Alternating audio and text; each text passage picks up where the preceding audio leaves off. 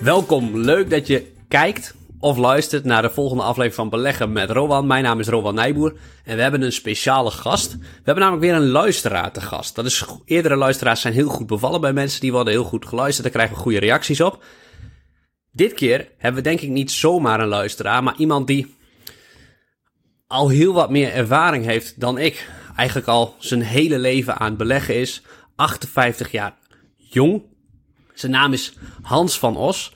Hans, heel veel welkom en ik wil je graag uh, ja, dus welkom heten. En ik hoop dat je ons helemaal meeneemt in de prachtige reis die je hebt gemaakt. Want er zitten prachtige lessen in voor alle beleggers. Ja, dankjewel Rowan. Uh, hartstikke leuk om uh, een keer te gast te zijn in de podcast waar ik al, een, al, een behoorlijke tijd naar, naar luister. Dus ik ben inderdaad een van de trouwe luisteraars. Met heel veel belangstelling. Mooi. Hans, misschien kan je beginnen met iets vertellen over je, je reis in beleggen, hoe dat is begonnen. En vooral ook tegen welke misschien dieptepunten, maar ook hoogtepunten je bent aangelopen de afgelopen jaren. Ja, dat is een reis die zo'n 40 jaar geleden begonnen is. Uh, op mijn achttiende in, uh, wat zal het zijn, 1981, kreeg ik, kreeg ik van mijn vader uh, een pluk aandelen Philips ter waarde van 5000 gulden. Nou, dat was in die tijd uh, best, een behoorlijk, uh, ja, best een behoorlijk bedrag. Met de boodschap, uh, die zijn nu van jou, ga er verstandig mee om en maak ze niet morgen op. Nou, Philips, dat was een bedrijf dat vond ik maar heel suf. ik stond bovendien op het punt om in Delft aan de TU te gaan studeren. Nou, dan is Philips natuurlijk Eindhoven, uh, dus daar wil je sowieso niks mee te maken hebben. Uh, ja. Sony was veel hipper, dus ik had zoiets van, ja nee, Philips, uh, dat gaat hem niet worden. Ik had overigens helemaal geen jaarverslag gelezen, geen benul van de cijfers, puur op gevoel. Dan dacht ik, nee, die verkoop ik. Maar dan stop ik het in een gespreid Robeco aandelenfonds. Trekkers waren er nog niet in die tijd. Uh, dat leek me een verstandige beslissing. Ik denk dat dat ook, ook zo was. En eigenlijk mijn hele studietijd heb ik er uh, niet naar omgekeken. Uh, ik was niet actief met beleggen bezig. volgde het, het, het, nieuws hooguit in algemene zin, maar dat was het dan ook. maar dat potje groeide prima door. De jaren tachtig was, was geen verkeerde periode om te beleggen. Tot oktober 1987. Uh, toen waren we als gezin toevallig in dat weekend uh, voor het 25 jaar huwelijk van mijn ouders in New York op bezoek. Ik was maandag in mijn eentje op pad gegaan, de stad in. Uh, en ik ging eens kijken bij Wall Street. Uh, ik dacht, is het hier elke dag zo druk met al die cameraploegen? Uh, het stond er helemaal vol. Uh, er werden opnames gemaakt, mensen geïnterviewd. er was duidelijk wat aan de hand. ik had geen idee wat. maar dat zag ik later die dag in de krantenkoppen die dan in de kiosken verschijnen heel snel. Wall Street Crash, oktober 87. Nou, er zaten ook toevallig Nederlandse beleggers bij ons in het hotel die die dag hun rondleiding jaar van tevoren ingepland uh, op de beurs in Wall Street hadden. En die waren natuurlijk helemaal totaal de weg kwijt. Nou, toen is eigenlijk mijn interesse voor het beleggen begonnen op, op deze merkwaardige manier. Uh, maar ik had wel door, hey, dit is toch wel uh, een bijzonder fenomeen. Ik maakte me eigenlijk niet zo'n zorgen over mijn eigen beleggingen. en dat is het voordeel dat je als beginnend belegger begin je met uh, niet superveel geld. In mijn studietijd had ik natuurlijk helemaal niet de mogelijkheid om eraan toe te voegen. Ik ben er gelukkig wel van afgebleven. um, uh, dus dat, nou, de, wat dat betreft was dat prima. Nou, oké, okay, daar ging ook uh, 20, 30 procent af. Uh, het zij zo. Um, en eigenlijk pas kort daarna ging ik bij een bank werken. Dat was nog de Nederlandse middenstandsbank. Kun je nagaan hoe lang dat geleden is. Uh, en toen ben ik pas met dat potje. Uh, en ja, toen kon ik ook een beetje uh, sparen van, van mijn inkomen. toen pas ben ik actief gaan beleggen. Ja, In, actief in de zin van, ik, ik ga er zelf tijd in stoppen. Ik ga onderzoek doen naar bedrijven. Ja, en, ik, ik, ga meer lezen. Uh, ik, ga, ik ga meer onderzoek doen. Uh, en, en ik verkoop dat potje Robeco en ik ga zelf aandelen selecteren. Eigenlijk al vanaf dat moment ben ik begonnen met het selecteren van aandelen. Ik moet heel eerlijk zeggen, nog niet meteen op basis van heel gedegen onderzoek. Maar meer op ja, wat, wat analisten zeiden, wat je in de krant las. En ik, ik moet eerlijk zeggen, in de jaren negentig maakte ook niet zo heel veel uit wat je kocht.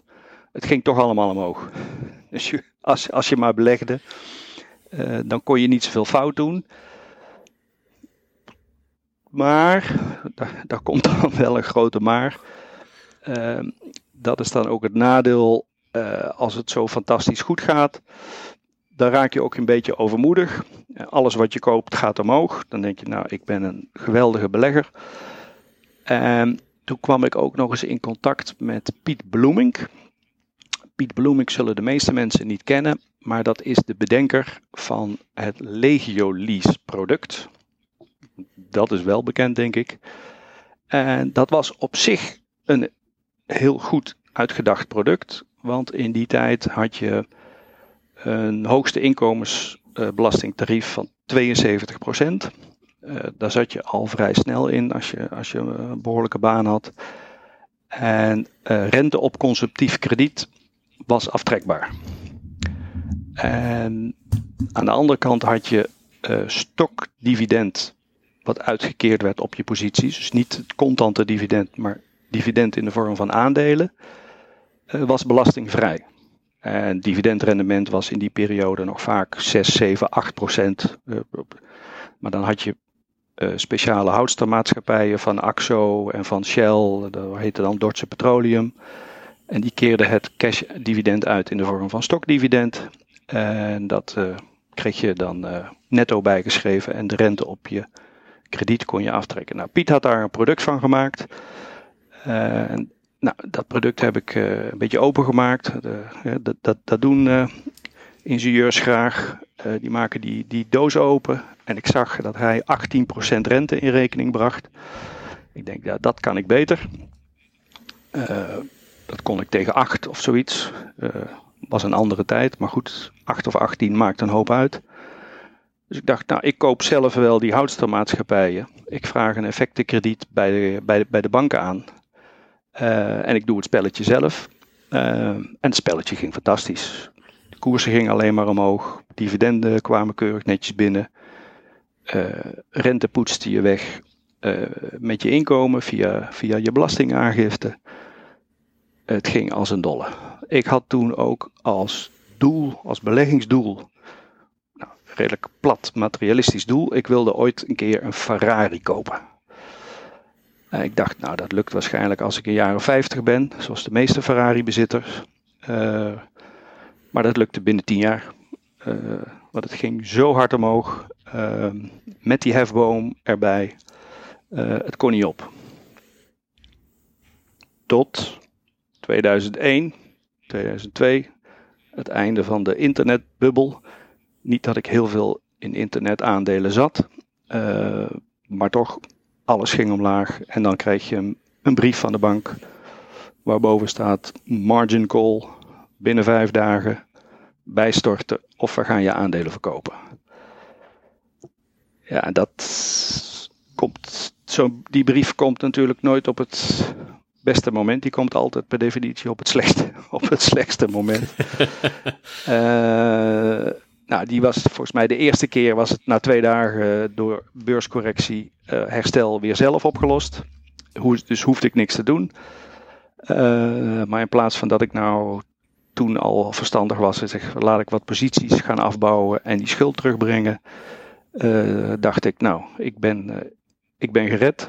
en volgens mij in 2002, ik heb de brieven nog steeds in mijn dossier bewaard, kwam er weer zo'n brief nog een keer een klap erbovenop.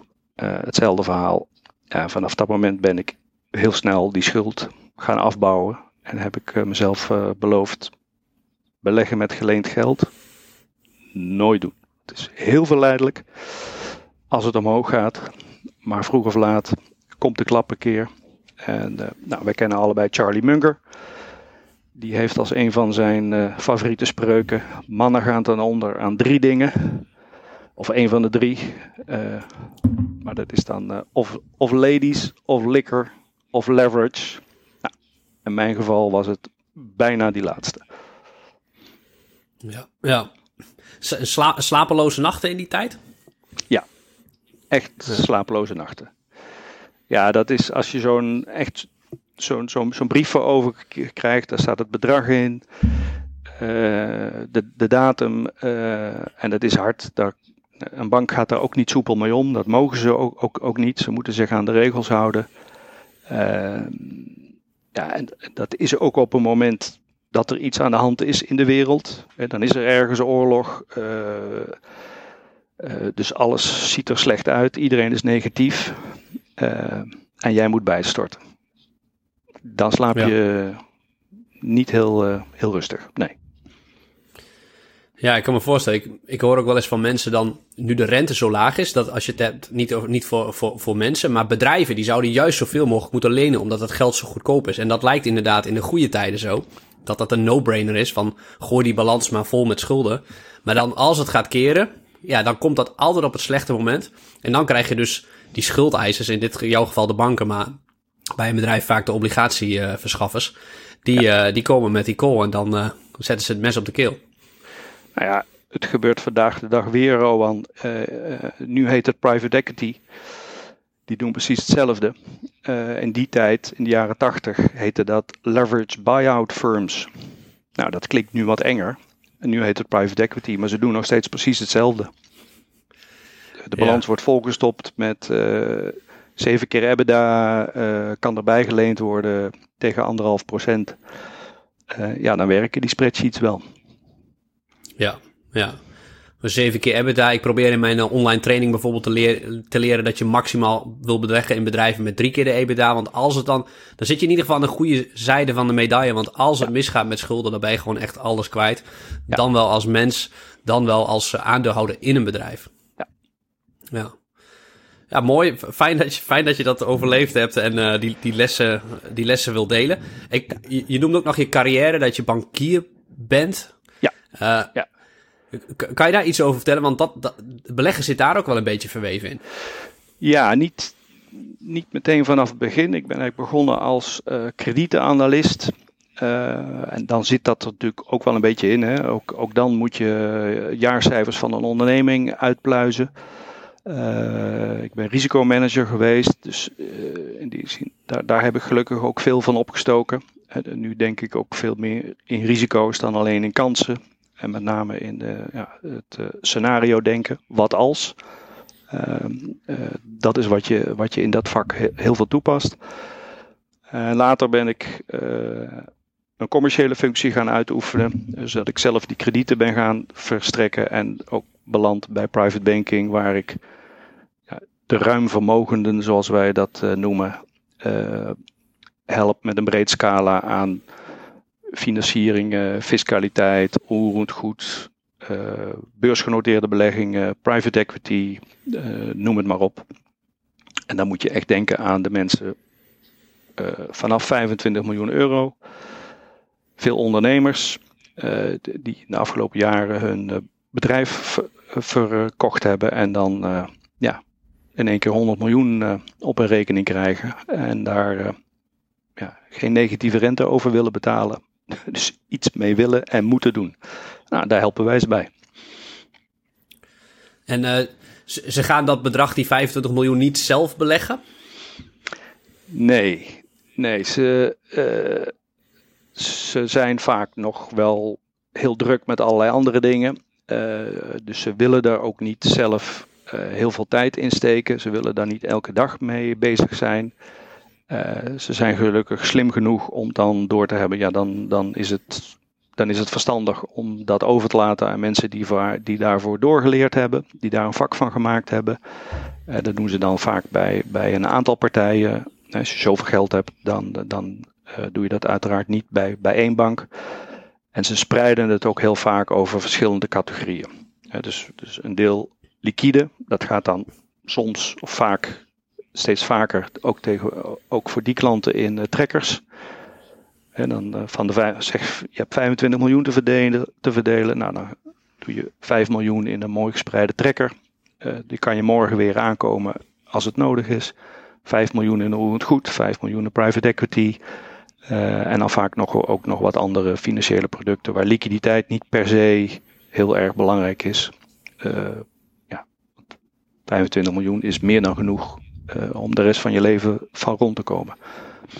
Alhoewel ik moet zeggen, sommigen doen heel erg hun best om, daar, om dat in rap tempo op te maken. Met boten en huizen en echtscheidingen. Ja, noem het maar op. Het zijn net mensen. Ja, het zijn net mensen. Ja, want ik kan me goed voorstellen dat um, ja, veel mensen beleggen om het idee te hebben ooit heel rijk van te worden. Nou, dat, dat kan denk ik met beleggen als je, als je maar heel veel geduld hebt. Uh, de meesten willen dat niet. Die ondernemers die dan bij jou komen, die zijn eigenlijk al extreem rijk. Um, brengt dat nou geluk?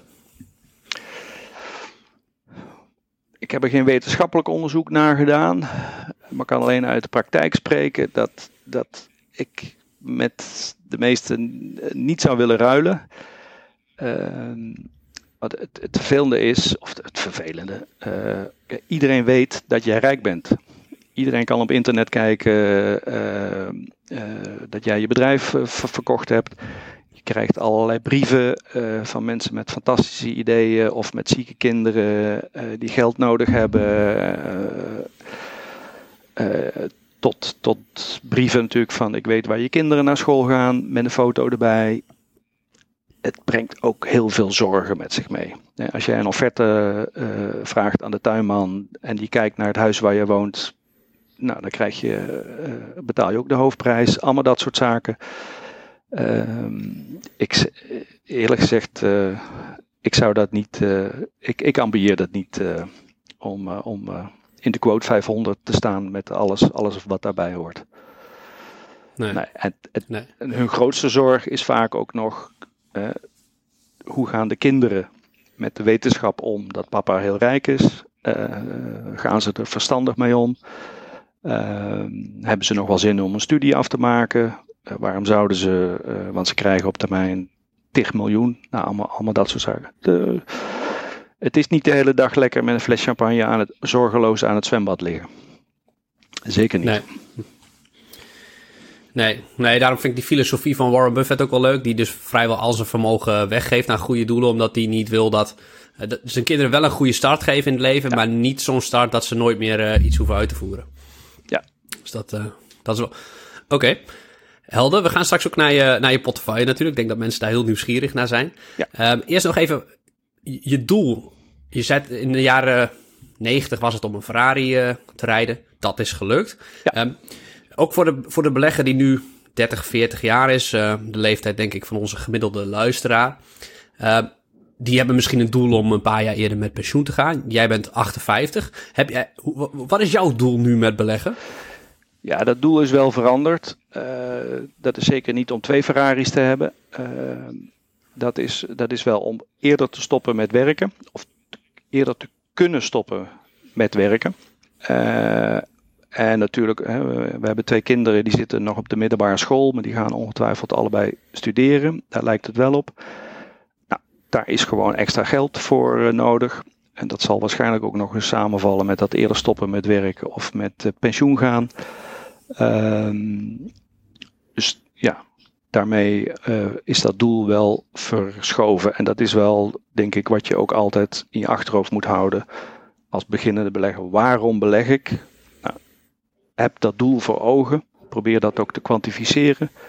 Uh, en wat er dan gaandeweg ook op je pad komt, probeer altijd wel dat, dat doel voor ogen te houden. En dat zie je ook in mijn portefeuille. Vroeger deed ik ook heel veel met opties. Nou, leverage was uh, sowieso uh, een doodzonde.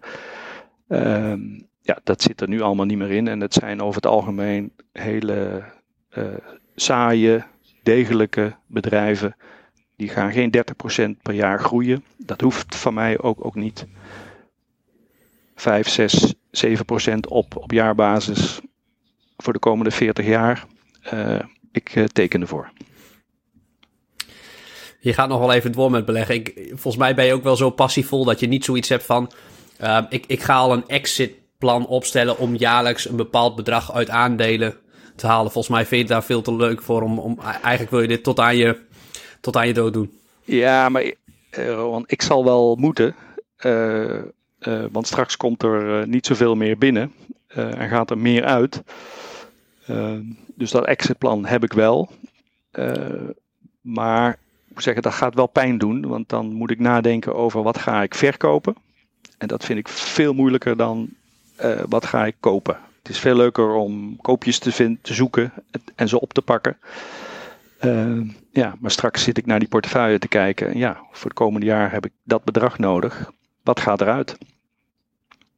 Uh, ja, is, is, is er dan ook een soort emotionele band wat je opbouwt met, dat, met zo'n bedrijf? Ik voel dat als ja. ik zo'n bedrijf, als ik ja. jarenlang aandelen heb en als je dan ja, een keer afscheid moet nemen om wat voor reden dan ook, dan voelt het als een soort uh, relatiebreuk. Ja, ja, uh, ik, ik, uh, ik, ik zal er wel aan gaan wennen, maar uh, nogmaals, ik, ik, ik vind dat ook emotioneel. Nou, het is niet dat ik echt verliefd ben op die bedrijven of, of wat dan ook. Het, het, het blijft wel gewoon een bedrag, een getal.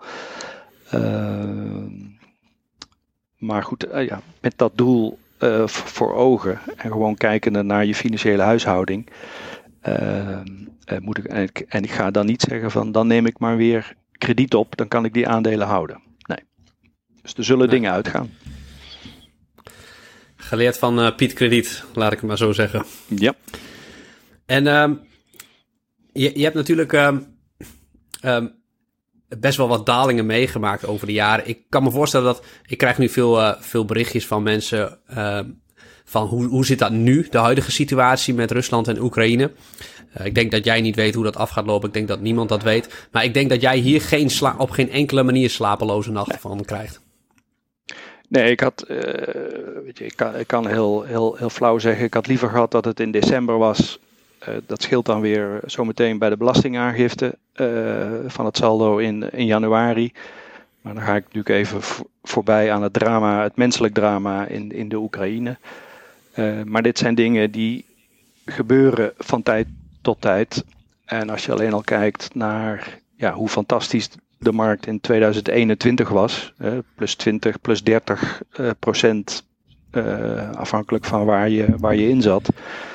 Ja, nou ja, dan is het nu min 5 of min 10. ja. Het gaat, maar de beurs gaat niet in de rechte lijn jarenlang omhoog. Nee.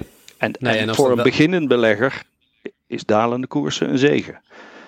Kijk, ik heb mijn opbouwfase in de afgelopen 40 jaar wel gehad. Voor mij is het vervelend. Uh, ik heb dus liever dat ze nog gewoon lekker doorstijgen. Maar ja, dat komt wel weer goed. Ja. Ja, als mensen willen weten waarom een, waarom een daling als je beginnend belegger bent heel voordelig voor je is, daar hebben we binnenkort een YouTube filmpje over. Check dan ons YouTube kanaal. Ja. Um, Eén ding wat, wat me, je schreef, uh, je schreef mij een bericht van, over, over je beleggingsleven. en één ding wat je eigenlijk zei is, uh, een, een, fout die ik maak is dat ik nog te veel handel. Ja. En iets verderop schreef je, ja, volgens mij heb ik een aandeel gemiddeld wel zes jaar in portefeuille. Ja. Leg dat ja. eens uit. Uh, nou, dat komt deels ook wel door een vaste basis die er al heel lang in zit. Ehm, dus dat, dat werkt wel een beetje mee met dat gewogen gemiddelde. Ehm, maar ik, ik, ik neem toch ook wel relatief vaak uh, winst of ik room wat af. Dus niet dat de hele positie eruit gaat, maar dan is hij toch relatief wat groter geworden. En dan denk ik, ja, eh, denk aan een Nestlé of een ExxonMobil uh, het afgelopen jaar. Uh, denk ja, qua waardering uh, is dat wel, een wel weer wat aan de hoge kant. Niet dat Nestlé een slecht bedrijf is, maar dan verkoop ik een deel. En dan over een jaar zijn ze weer wat terug op uh, van 30 keer de winst naar 24 keer de winst. dan denk ik, oh, ik, koop weer een plukje bij. En zo handel ik toch eigenlijk stiekem nog te veel. Terwijl ik eigenlijk gewoon beter Nestlé op zolder kan leggen en er niet meer niet meer naar om uh, kijken. je lijkt wel een hele kalme zen-belegger als het ware. Ben je, ben je, er ook op dagelijkse basis mee bezig? Log je, log je, elke, dag, log je elke dag in bij je broker? Ja, jou, jouw advies van, om dat niet te doen, uh, uh, dat lukt me nog niet. Dat probeer ik. Uh, maar ik wil toch elke ochtend kijken hoe opent de beurs. En dan doe je om half vier nog een keer. En tussendoor nog wel een paar keer. ja, ik, ik, ik ga nog eens een keer proberen een dag dat de beurs open is om niet te kijken. Het is me tot nu toe nog niet gelukt. Ja, ja. Maar het is ook veel te leuk. Het, het, het, het, beweegt, er gebeurt altijd wat. Uh, ik heb zo'n hele lijst met ja, bedrijven die ik volg. Uh, een stuk of 50. Die zitten dan in een apart uh, bestandje bij, bij een, een, een, van die apps. Ja, dan kijk je, oh, zit, misschien zit er eentje bij die 10% omlaag gaat. Kijken wat er aan de hand is. Zo is er elke ja. dag wel iets. Ja. Hoe, hoeveel uur ben je daar in de, in de week mee bezig? Ja, toch gauw uh, 20, 30 uur bovenop een normale werkweek. Nou heb ik het voordeel dat mijn werkweek gelukkig ook bestaat, veel bestaat uit beleggen, beleggingsnieuws volgen uh, enzovoorts. Dus ik kan het prima combineren. Wat een, wat een rijk leven, wat een, wat een luxe dat je daar zoveel tijd mee bezig uh, mag zijn. Ja, ik, ik, probeer er nog meer tijd voor vrij te maken om echt uh, uh, het, het, lezen van boeken over bedrijven, over segmenten, over sectoren. Daar kom ik eigenlijk niet aan toe. Maar die verdieping wil ik, wil ik nog wel gaan toevoegen. Maar goed, wat ik zei, ik heb nog 40 jaar. Dus in die tijd moet ik best nog wel wat boeken kunnen lezen. Ja, ja. Oké. Okay. Als het, ik, ik, kijk uit om naar je portefeuille gaan. Eerst nog een woordje van onze sponsor. Ja. Nou, die sponsor, die ben ik vandaag. We zijn, we zijn helemaal onafhankelijk, maar af en toe proberen wij ook uh, leuke dingen te verkopen. We hebben hele vette online training waarin je van stap tot stap leert zelf aandelen selecteren met een heel mooi stappenplan. Als je echt de diepte erin wil, als je ook uh, veel tijd in de week met beleggen, ja, de mooiste bijzaak van het leven zeggen we wel eens, bezig wil zijn. En daarnaast hebben we ook mijn portefeuille. Als je je wil laten inspireren door mijn belegging, als je hele diepgravende analyses over hele interessante bedrijven wil, onder andere recent over Ferrari, wat Hans al opbracht, maar ook over Netflix en Autodesk. Het zit echt boordevol waardevolle informatie. Mensen weten niet altijd wat daar precies in zit. Om dat, daar wel een kijkje in te geven, hebben we een soort sneak peek gegeven. Wat je precies krijgt bij mijn portefeuille. Ik geef ook drie aandelen weg. Dat staat nu voor je klaar. Dat kan je gratis toegang toe krijgen via ronaldnijboek.nl slash preview of de link in de show notes en dan kan je daar een kijkje nemen. Mocht je besluiten om mijn portefeuille echt te willen volgen. 1 april gaan de prijzen omhoog omdat we de waarde de afgelopen tijd ontzettend verhoogd hebben. En we denken dat het ja, een veelvoud van de nieuwe prijs, de oude prijs is 247, veelvoud daarvan waard is. En uh, daar gaan we in mee. En dan gaan we nu, uh, naast dat je een kijkje in mijn portefeuille kan kijken, bij Hans in de portefeuille kijken. Hans, kan jij de hoofdlijnen van je portefeuille aangeven? Ja, er zit uh, door, door de jaren heen heb ik ook ervaren dat er betere beleggers zijn dan ik zelf. Dus daar, daar laat ik een deel van het geld vertrouw ik aan hen toe. dat is om, om te beginnen is dat Berkshire Hathaway. Dat zit vanaf, nou ik denk ruim, ook alweer ruim 20 jaar in de portefeuille. Met een klein plukje begonnen.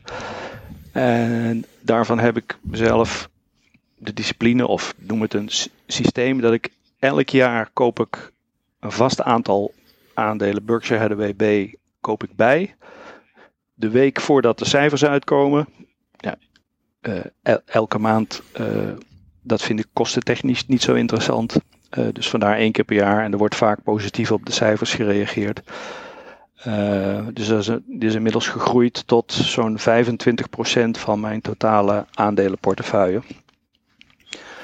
Overigens is zo'n zo'n systeem wordt af en toe nog wel eens op de proef gesteld. Uh, ik weet nog, vorig jaar stonden ze op 240 dollar. Dat was toen de hoogste koers ooit. Midden in coronatijd. En ik had zoiets van, zeg tegen mijn vrouw, ja, moet ik nou dit jaar wel weer dat, datzelfde aantal kopen? Ze hebben nog nooit zo hoog gestaan. Zal ik een jaartje overslaan? misschien de helft doen. Nou, gelukkig heeft zij mij de spiegel voorgehouden. Ze, nee, het, gaat, staat het geld op je rekening? Ja, het geld staat op mijn rekening. Uh, geloof je in je systeem? Ja, ik geloof in mijn systeem. Is er iets mis met Berkshire Hathaway? Nee, er is helemaal niks mis. Nou, gewoon doen. Nou, dus gekocht op 240 en nu staan we op uh, 325. Dus uh, geef me aan. Ook, ook in dalende markten, maar ook in stijgende markten. Hou vast aan je systeem. Koop op vaste momenten met de vaste regelmaat, onafhankelijk van de koers. Uh, je indextrekker, of in dit geval Berkshire Hathaway. Uh, en vijf of tien jaar later kijk je daarop terug als uh, was een prima beslissing. Had ik er maar meer gekocht, is, is wat je dan meestal denkt. Ja. Ik ben ook drie keer bij de aandeelhoudersvergadering geweest in Omaha. Absoluut een aanrader voor, voor de liefhebber. Um, dus dat is, dat is de En als ik alles in één aandeel zou moeten stoppen, zou het wat mij betreft Berkshire Hathaway zijn. Daar hoef ik niet lang over na te denken. Nou, zo heb ik er nog twee gevonden in de jaren, uh, in de afgelopen jaren. Mag, mag ik eerst nog wat over Berkshire Hathaway vragen? Ja, natuurlijk. Dus 25% van je portefeuille in ieder geval laat je door Warren Buffett uh, beleggen, om het maar zo simpel te zeggen. Ja. Ben je bang um, als hij straks met pensioen gaat, um, dat daar dan, ja, wie gaat dat dan voor je beleggen? Kan dat, kan dat verandering in de zaak brengen? Nee. Nee, ik, uh, dat is natuurlijk een vraag die, die uh, al 10, 15 jaar uh, wordt gesteld bij de aandeelhoudersvergadering en, en tussendoor. Ik denk dat hij zijn pensioen heel goed heeft voorbereid. het lijkt er nu op dat Greg Abel zijn rol als, noem het maar, overall capital allocator zal gaan overnemen. Nou, wat ik tot nu toe van die man heb gezien, uh, net zo kundig, uh, uh, heel, heel gedegen. hij is verantwoordelijk voor de energiemaatschappij, dat doet hij al jaren hartstikke goed. Ook hij is financieel afhankelijk, doet het niet voor het salaris. en is natuurlijk al jarenlang gewoon in die Berkshire cultuur, filosofie opgevoed. Nou, dan heb je nog Ajit voor de, voor de verzekeringstak, die blijft dat runnen. Dan heb je Ted en Todd, uh, die zeg maar de beursgenoteerde portefeuille uh, beheren. Uh, ik, ik heb er geen enkele twijfel aan dat, dat de manier waarop zij nu werken, dat dat de komende tientallen jaren gewoon doorgezet wordt. Het ja. zou natuurlijk wel vreselijk jammer zijn als hij er niet meer is, maar dat, ja, dat moment komt er een keer aan. Ja, ja, ik, heb ik weet niet of je die boeken gelezen hebt van Good to Great van uh, Jim Collins en Bill to Les. Dat, wat, wat onderscheidt nou bedrijven die het echt, echt heel lang redden en degene die toch tijdelijk wat goed gaan. En dat is toch wel level 5 leadership, zoals ze dat noemen. Leiders die ook uh, na, tot na hun pensioen eigenlijk het bedrijf en de juiste mensen op de post weten te zetten. En bedrijven die tijdelijk goed doen, die, daar draait het vooral om de man zelf. En die willen eigenlijk als het ware, als die vertrekt, dat het bedrijf ook zegt van, dat het bedrijf slecht gaat. Want dan kunnen ze zeggen, hey, ik ben was onmisbaar. Maar ik denk dat Buffett, als je die cultuur in dat bedrijf bestudeert, ja, ja dat, dat zit zo het is zo lange termijn en daar zit zoveel uh, ja. kennis en kunde en vooral ook eerlijkheid in die organisatie. Al die, al die operationele ondernemingen die in, de, die in hun portefeuille zitten, die worden sowieso niet, daar zit hij niet bovenop. Die worden met, met rust gelaten. Uh, er wordt alleen de, de cash wordt afgeroomd. En daar, zit, daar, zitten nog, de, daar zitten nog steeds de, de, de, eigenaren, CEO's van de tijd dat Berkshire het overnam, die zitten er nog steeds. En daar stond nu ook weer in zijn shareholder letter een, een fantastisch mooi verhaal over iemand. Ik, ik kende hem niet, maar goed, die is dan uh, afgelopen jaar overleden. Een van de managers van een van die ondernemingen. En als je ook leest hoe hij daarover schrijft, dan denk je, ja, zo. Je mocht willen dat je Warren Buffett als je, als je baas had. Dan heb je de beste, de beste in de wereld. En er zijn heel veel mensen die voor hem, voor Berkshire, willen werken of hun bedrijf daaraan willen verkopen. Dat wordt wel een uitdaging voor Greg Abel om dat voor te zetten. Maar ik geef hem het voordeel van de twijfel. Ja, ja, het is natuurlijk een eer. Ik, ik, ik zou mijn bedrijf misschien gelijk verkopen. Warren Buffett, ook al, is, ook al is dat een minder goede prijs. Om maar met hem in contact te kunnen, kunnen staan. Ja. Nou, uh, tikt, tikt dat niet zo aan op zijn, uh, zijn basis natuurlijk, maar... Uh, It, ja, doesn't dat, move dat the needle, Rowan. Nee. nee. Nee, maar dat, ja... Dus dat, dat deel verdwijnt misschien.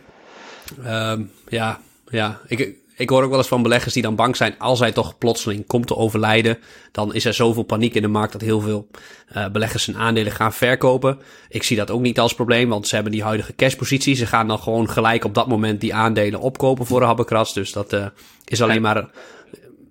Als die, ja, als die koers hard onderuit gaat, als hij overlijdt, stap ik van mijn systeem af en koop ik ook bij.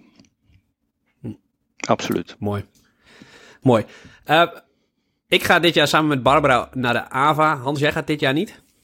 Nee, ik uh, volg het online, want het is, uh, ik ben er drie keer geweest. Uh, dan heb je het wel een beetje gezien. Gelukkig is het tegenwoordig online te volgen, sinds corona uiteraard. en het is nogal een reis, maar elke enthousiaste belegger die iets wil zien en volgen van Warren Buffett en zeker ook Charlie Munger, want ik ben eigenlijk nog grotere fan van Charlie geworden sinds die uh, bijeenkomst in Omaha. Je, die moet op je bucketlist staan en die moet je afvinken. Ik zou niet te lang wachten. Ja, dus neem even contact op voor de Nederlanders die er zijn. Er is altijd ook een Nederlandse borrel. Um, inderdaad, niet te lang wachten kan zomaar eens de laatste keer zijn. Alhoewel we dat natuurlijk ook al twintig jaar lang zeggen. Dus uh, ja. Goed. En 25% van je portefeuille in Berkshire Hathaway. Ja. Uh, je was eh, ook nog aan het vertellen over andere bedrijven waar je ook voor je laat beleggen eigenlijk. Ja, dat, uh, dat is in Nederland uh, Hal. Ik denk redelijk goed bekend. onlangs hebben ze bekendgemaakt dat ze een deel van die cash aan het werk gaan zetten door Boskalis over te nemen. lijkt me prima zet. minder bekend is wellicht het Scandinavische Investor AB. Eh, een beetje dezelfde filosofie. Zit veel in Scandinavische industriële bedrijven, tradi redelijk traditionele industriële bedrijven uh, en een deel aan private equity. Zit de Wallenberg-familie achter, al, al heel erg lang. Nou, wordt goed gerund, keren ook nog een aardig dividend uit.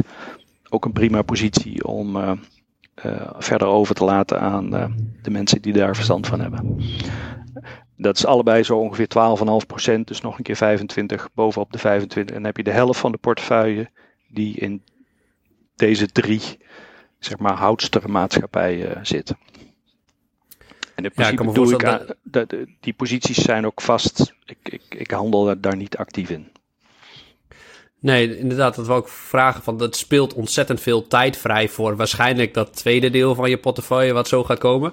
Als ik nog even hierop mag inzoomen.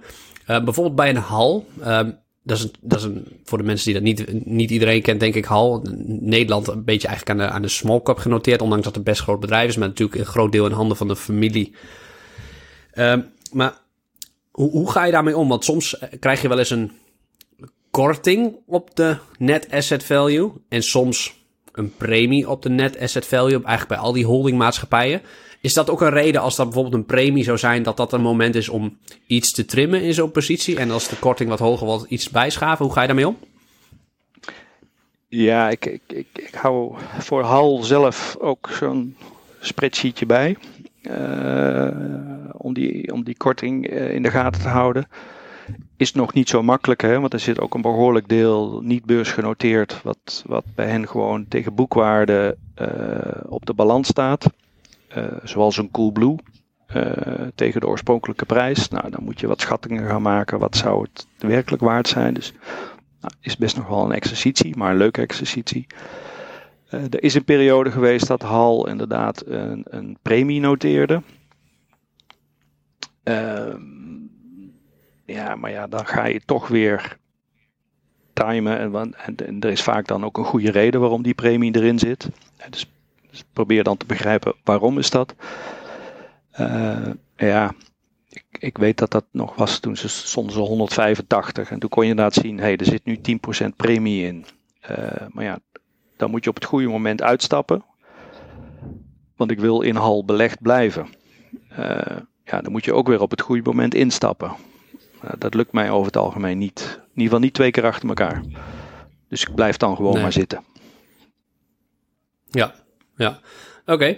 Ehm, ja, beleggen en holdings. We hebben op 31 maart een masterclass slim beleggen met weinig tijd. Hans heeft 20, 30 uur per week. Uh, ik kan me voorstellen dat anderen een drukkere baan hebben en andere hobby's en wat minder uur per week te besteden hebben. Hoe ga je dan toch goede rendementen behalen en eventueel een indexfonds verslaan op de lange termijn? Nou, daar zit een deel holding beleggen waarschijnlijk in. Dan laat je dat voor je doen zoals Hans dat eigenlijk heel systematisch voor zichzelf heeft opgezet. Als je daar meer over wil leren, 31 maart om 8 uur s'avonds voor 27 euro kan je daarbij zijn via onze website uh, of in de show notes vind je, vind je de link naar de, naar, naar de masterclass.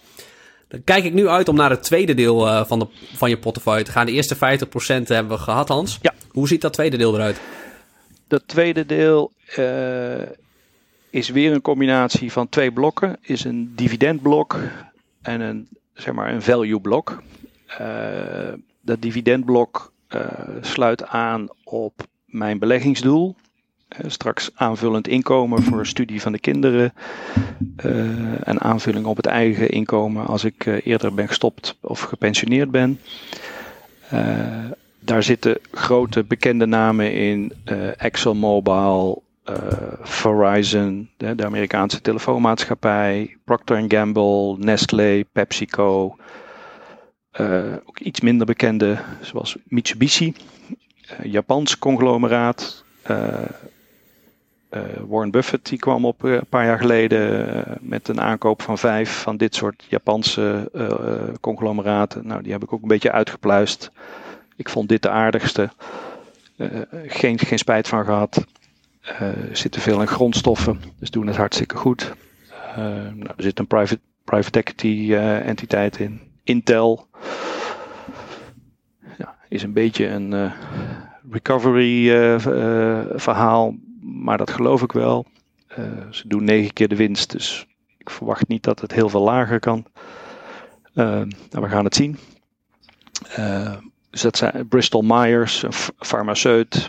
En dan nog een paar Nederlandse, zoals Acomo.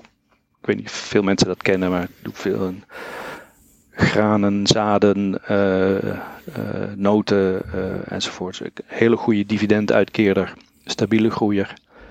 Ehm, hele degelijke bedrijven uh, met een solide balans, gezonde kaststroom. Elk jaar een klein beetje meer dividend. Uh, wat voor uh, een keurige aanvulling op het inkomen zorgt. Ja, en, en, en prachtig die discipline. Hè? Dat ze dan afgelopen jaar deden ze een grote overname. Waar ze eigenlijk al ja, wat is het, acht jaar na op zoek zijn. En dan zoveel afwijzen. En ik was ook wel eens bij die aandeelhoudersvergadering. En hoeveel, hoeveel overnamekandidaten ze dan spreken in een jaar. En er dus maar, ja, zo weinig.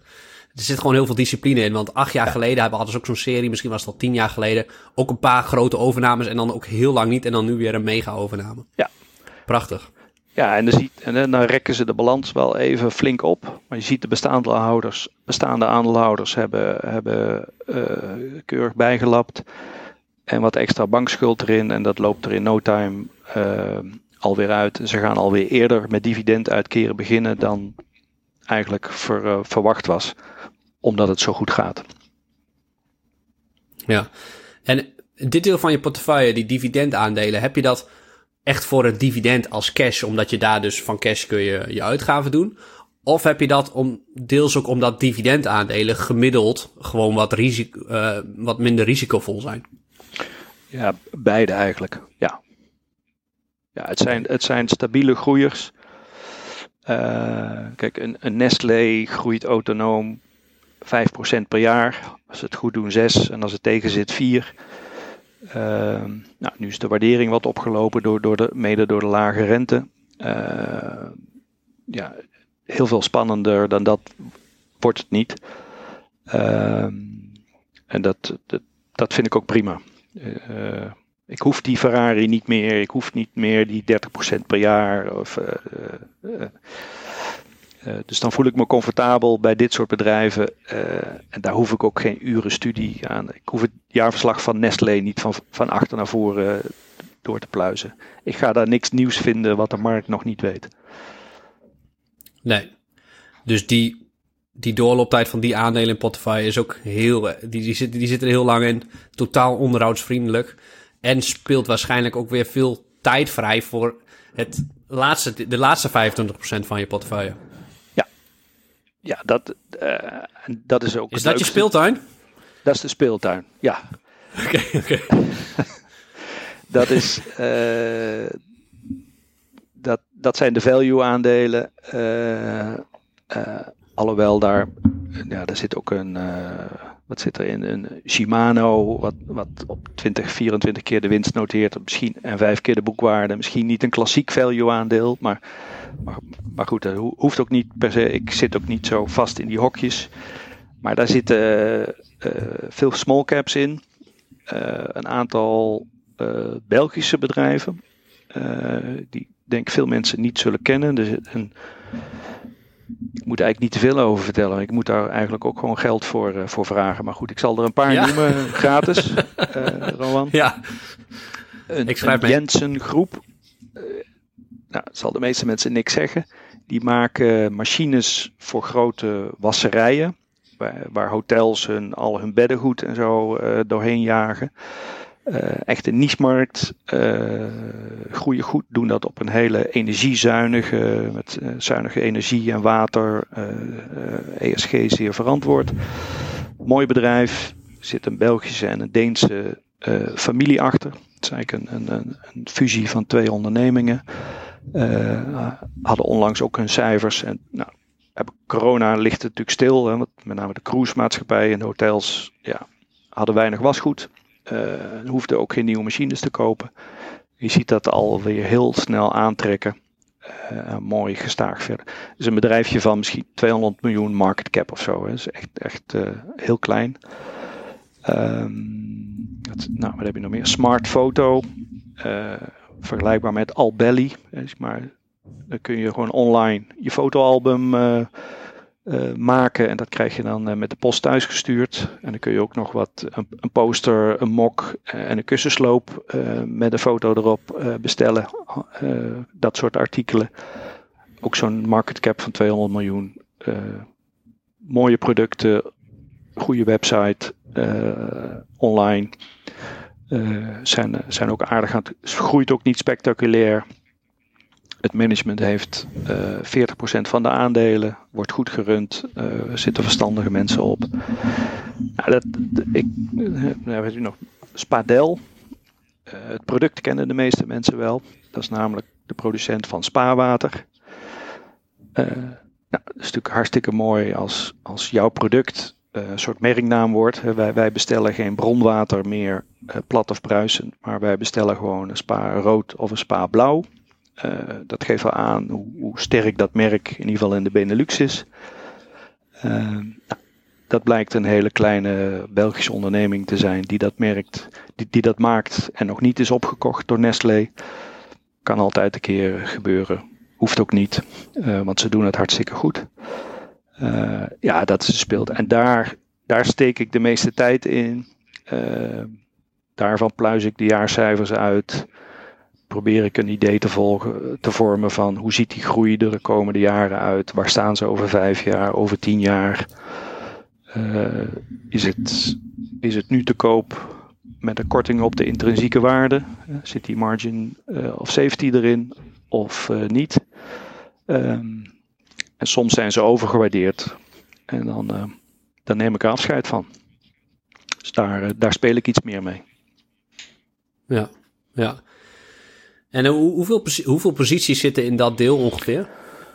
Ook, ook een, twaalftal. Dus gemiddeld, ik, gemiddeld zo'n 2%, anderhalf à 2% van de totale portefeuille per individuele naam. Ik probeer het wel redelijk gelijk gewogen te spreiden. Ja, en die, die namen die je noemt, die, uh, een aantal zit natuurlijk in België, maar als je kijkt naar de spreiding van de omzet van die bedrijven, is dat in totaal andere sectoren. Uh, doe, je, doe je dat bewust of is het meer, uh, meer toeval dat dat allemaal zo goed gespreid lijkt? Nou ja, er zit wel een behoorlijke Nederlands-Europese bias in. er zitten ook wel een paar Amerikaanse fondsen in, maar eigenlijk zou ik liever wat meer tijd steken in het grasduinen door de Russell 2000 index. Uh, wat is dat? Op, dat is de, zeg maar, de small cap index van Amerikaanse uh, ondernemingen. Uh, om toch iets meer in Amerika belegd te zijn, omdat ik simpelweg, net als Warren, erg enthousiast ben over de Amerikaanse economie en hoe, dat, hoe zich die de komende honderd jaar zal ontwikkelen. Ja. Maar dat is wat lastiger ja. om daar wat over te lezen, om die bedrijven te vinden uh, en je er een mening over te vormen. Dan is uh, België toch een stuk dichterbij. Ja, dat vind ik, vind ik altijd moeilijk. Die Amerikaanse small caps, als je, als je die gaat bestuderen, dan de, de waardering. En als je dat vergelijkt met de grotere bedrijven, die ook dezelfde vorm van winstgevendheid laten zien, maar die zijn zoveel lager. En dat, dat, daar zijn echt heel veel koopjes te vinden. Maar ik vind het altijd heel moeilijk om dan, ja. als ze daar lokaal in Amerika actief te zijn, om daar dan ja, een voordeel uh, te hebben. En dat, dat, dat is misschien bij een Belgische speler iets lokaler is dat wat makkelijker. Ja, daar zie je vaak ook uh, wat bekende namen die daar een, een aandelenbelang in hebben. Hè. Er zijn wat bekende families, ook, ook in België. Dat je, nou, niet dat dat dan meteen goed is, maar dan denk ik, nou oké, die ken ik, die zitten ook in die en die. Die hebben ook een goed track record. Nou, dat helpt dan. Uh, en, en, als je dat bij een Amerikaans fonds ziet, ja, dan zegt dat veel. veel dus misschien moet ik er gewoon eens tien jaar gaan, gaan wonen en me, me erin uh, er echt in, in, in verdiepen. ja, ja. Wat zou je omschrijven als je meest speculatieve uh, bet uh, van deze portie? Uh, Alibaba. Oké, okay, oké. Okay. Heb ik eerlijk gezegd, volgde ik al lang, maar ik, ja, ik vind het heel moeilijk om, om dit soort platformaandelen te waarderen. Eh, de doorslag gaf eh, Charlie Munger, eh, die een flinke bet in Alibaba. En dan, dan ja, en dan, zo zie je maar, je, je, je, moet toch eigenlijk altijd je eigen mening volgen. Toen dacht ik, ja, als Charlie het doet, dan moet het goed zijn. Nou, dat was toch te vroeg. Afgelopen maanden nog wel wat bijgekocht. Maar dat is, ja, eigenlijk het aandeel waarvan ik zeg, ja, ik, ik weet eigenlijk het, het, het minste ervan.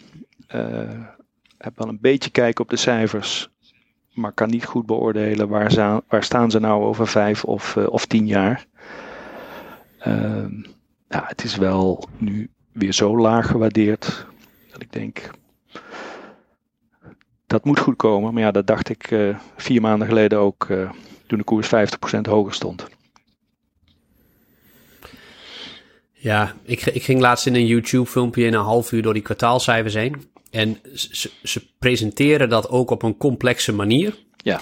Dat, dat is bij al die Chinese bedrijven. Het is, het is net of ze niet willen dat je precies weet hoe het zit. Ja. Uh, ja, ja, ik heb geprobeerd dat, uh, dat voor, voor, de, voor de kijkers uh, op een overzichtelijke manier neer te zetten. Maar het, is echt een, het is echt een complexe puzzel. Ja.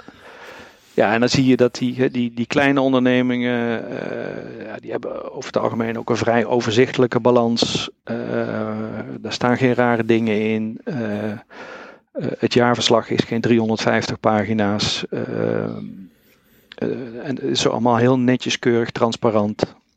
ja, dan weet je ook wat je koopt. En bij Alibaba koop ik dan toch een beetje ja, de overtuiging van, van Charlie Munger tijd zal het leren. En wel geloof in natuurlijk groei van internet in China uh, en de rest van de wereld. Uh, de, hun, ja. hun, hun cloud-tak, uh, al die andere takken, naast e-commerce. Ja, dat ziet er wel veelbelovend uit. maar het is wel mijn meest speculatieve bet.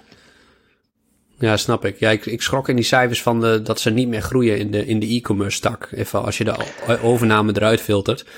Maar Jij wil iets over zeggen? Dat, dat, ja, eigenlijk niet. Hè, want de overheid heeft duidelijk, heeft volgens mij tegen Alibaba gezegd, jij gaat niet groter worden in e-commerce. Uh, dus wat dat betreft is dat niet eens zo heel erg verkeerd. Uh, uh, je moet ook wat ruimte laten aan, aan de andere spelers. en ik denk dat de, de kansen op toekomstige winsten zitten in al die andere takken die nu nog niet bijdragen aan het resultaat. Ja. Maar we gaan het zien. Ja, die, Die cloud is, is, is fenomenaal, denk ik. En uh, ja, uh, om het niet helemaal om Alibaba te laten draaien. Kijk, denk je dat je als uh, particulier een voordeel hebt door op die kleine bedrijfjes te gaan vissen als een spadel, omdat ja, de, de professionals, de institutionele beleggers, die, die kijken daar eigenlijk niet eens naar? Ja, ik, ik, denk oprecht dat dat kan. Uh, bij veel van die bedrijven, of bij, bij, in ieder geval bij een aantal, ook bij Spadel, zie je dat uh, een beetje vergelijkbaar met Hunter Douglas. Daar zit vaak één familie met een heel groot belang in. Ik vind dat een voordeel, want ik mag dan meedoen met een beursgenoteerd familiebedrijf, wat goed gerund wordt voor, met ogen op de lange termijn, keurige financiële positie enzovoort. Maar een pensioenfonds kan niet een belang uh, nemen in zo'n uh, Belgische onderneming uh, van 200 miljoen market cap, waar 70% bij de CEO zit. Ehm, dus daar heb je als kleine particulier zeker een voordeel. Absoluut. Mooi. Hans, we gaan, we gaan naar, naar het einde. Zou jij ja, de luisteraar, wat zou je de luisteraar die 30 jaar is, 20, 30 jaar uh, mee willen geven? Zeker ook in deze roerige tijden op de beurs. Poeh. Uh, nou, als als je een, een systeem hebt, uh, een vaste discipline, hou je daaraan. Ik, ik, kan me voorstellen dat jij vragen krijgt van mensen van ja, ik, ik koop elke maand voor nou, zoveel 100 euro uh, indexfund bij. Moet ik daar nu niet even mee stoppen? Ik nee, juist nu. Juist als koersen dalen, uh, moet, je, moet je daarmee mee doorgaan. En hou, hou voor jezelf je lange termijn doel voor ogen. En zorg er ook dat je een lange termijn doel hebt. Want als je alleen maar belegt om te beleggen, dan word je ook sneller afgeleid. Uh, door alle ruis die er, die er elke dag is. Uh, maar hou je lange termijn uh, bedoel, doel voor ogen. En beleg in ieder geval. Als je niet de tijd hebt om individuele bedrijven uit te pluizen. en precies te weten wat je koopt. laat het dan aan de index over. En gun jezelf de tijd en de leertijd. Om misschien over een paar jaar dan wel individuele aandelen te kopen. Maar zorg in ieder geval dat je altijd in de markt bent en blijft. Sluit ik me helemaal bij aan en dat van iemand die al 40 jaar belegt. Hans, um, heb je een TikTok-kanaal waarop mensen je kunnen volgen of hoe, uh, hoe kunnen ze in contact met je blijven? TikTok niet, uh, maar via LinkedIn ben, ik, ben ik wel te, te, vinden, gewoon onder mijn eigen naam. voor de liefhebber staan daar drie bezoeksverslagen van de afgelopen jaren van de jaarvergadering Berkshire Hathaway in Omaha staan erop. Uh, met de verhaal eromheen en, leuke foto's. Dus nou, wellicht kunnen mensen daar inspiratie op. Nou, als je daar een bericht achterlaat of iets meer wil weten over de bedrijven die ik heb genoemd, uh, met alle plezier, dan neem ik contact op. Super, Hans van Os is de naam. En als de luisteraar een inkijkje in mijn portefeuille wil, rowanijboe.nl slash preview. Hans, heel erg bedankt. Het, ga, het, het ga je goed de komende 40 jaar met beleggen. Misschien kan je dan uh, over 40 jaar op de leeftijd van uh, Charlie Munger nog, uh, nog eens terugkomen. Dat lijkt me hartstikke leuk. ik hou je eraan, Rowan. We zetten hem in de agenda. is goed, is goed. Luisteraar, bedankt voor het kijken en graag tot de volgende week.